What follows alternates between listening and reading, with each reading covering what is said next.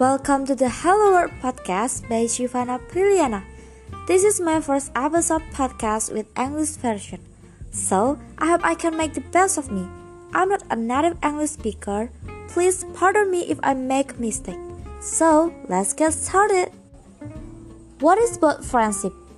Is it just a circle of love friends? Is it going to traveling to summer place and make a story in the social media? What is about friendship? Take the time to eat together in some luxurious cafe, or buy some expensive chickens or have food in high-class restaurant? More I grow up, more I realize. Take a relationship between friends isn't Daniel again. It's not the time to show up to everyone that I have a lot of friends and I'm being a happier person ever in the world. It's not the time to show off to other people that I have a lot of friends is a very blessed moment. I think I cannot be a person who pretend again for this time and the next. Yesterday ago, I decided to leave my friendship group from WhatsApp. To be honest, I want to leave for a long time, but I always think twice before I leave.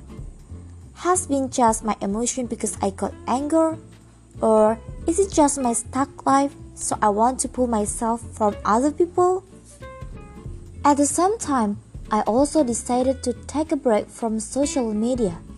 I decided to uninstall all social media apps like Instagram, Facebook, and Twitter. I also no longer make status with WhatsApp except only for the promotion of my podcast for a while. I know it is hard a thing because I think I'm addicted by social media. Hence, I hang on my happiness to other people. My heart cannot look clearly because in my mind there is love fox cover. Happiness is a real thing for myself. I thought happiness was a thing that I can when other people praise to me. In my mind, happiness is when I have many friends, go to everywhere that I want, or seem cheerful when people look at me, whereas I just manipulate myself with bias of happiness. And back again about friendship. Currently, I'm charging myself to be more stable. That's me yesterday who only showed off photos of togetherness was not the real me. I just want to admit that I'm perfect. While those who were there when I fall, when I was sad, I thought they were the ones who accepted me as a friend as I am. And finally, thanks for your attention. I hope I can see you in the other next my podcast episode. See you!